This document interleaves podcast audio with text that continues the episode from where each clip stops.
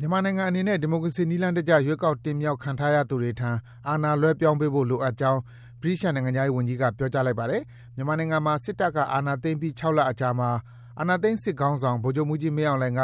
ဝန်ကြီးချုပ်ရာထူး ပြောင်းလဲယူလိုက်ကြောင်း ပြောကြားလိုက်တဲ့အပေါ် ဗြိတိန်နိုင်ငံခြားရေးဝန်ကြီး Dominic Raab က အဲဒီလို ပြောကြားလိုက်တာပါ။မြန်မာနိုင်ငံမှာ အရေးပေါ်အခြေအနေကို စစ်တပ်က သက်တမ်းတိုးလိုက်တာဟာ ဘယ်လိုမှအကြောင်းပြချက် ခိုင်လုံခြင်းမရှိကြောင်းနဲ့ ဒါဟာ ဒီမိုကရေစီနည်းလမ်းမကျတဲ့ ပုံစံနဲ့ အာဏာကို ဆုပ်ကိုင်နိုင်ရေး လုပ်ဆောင်ခြင်းဖြစ်တယ်လို့ ဝန်ကြီး Raab က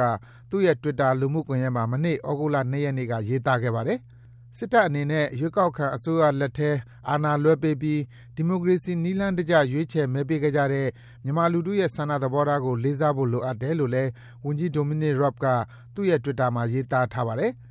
လက်ရှိ မြန်မာနိုင်ငံမှာ ကြုံတွေ့နေရတဲ့ နိုင်ငံရေးပဋိပက္ခတွေ ပြေလည်ရေးအတွက် အာဆီယံနဲ့ မြန်မာစစ်ကောင်စီအကြား ရရှိထားတဲ့ သဘောတူညီချက်နဲ့အညီ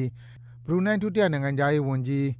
Erywan Yusof ကို အထူးသံတမန်အဖြစ် ခန့်ထားရေး အာဆီယံရဲ့ ရွေးချယ်မှုအပေါ် သဘောတူတယ်၊မတူဘူးဆိုတဲ့ကိစ္စကို မြန်မာစစ်ကောင်စီဘက်က တစုံတရာ အကြောင်းပြန်ကြားခြင်း မရှိသေးပါဘူးခင်ဗျား။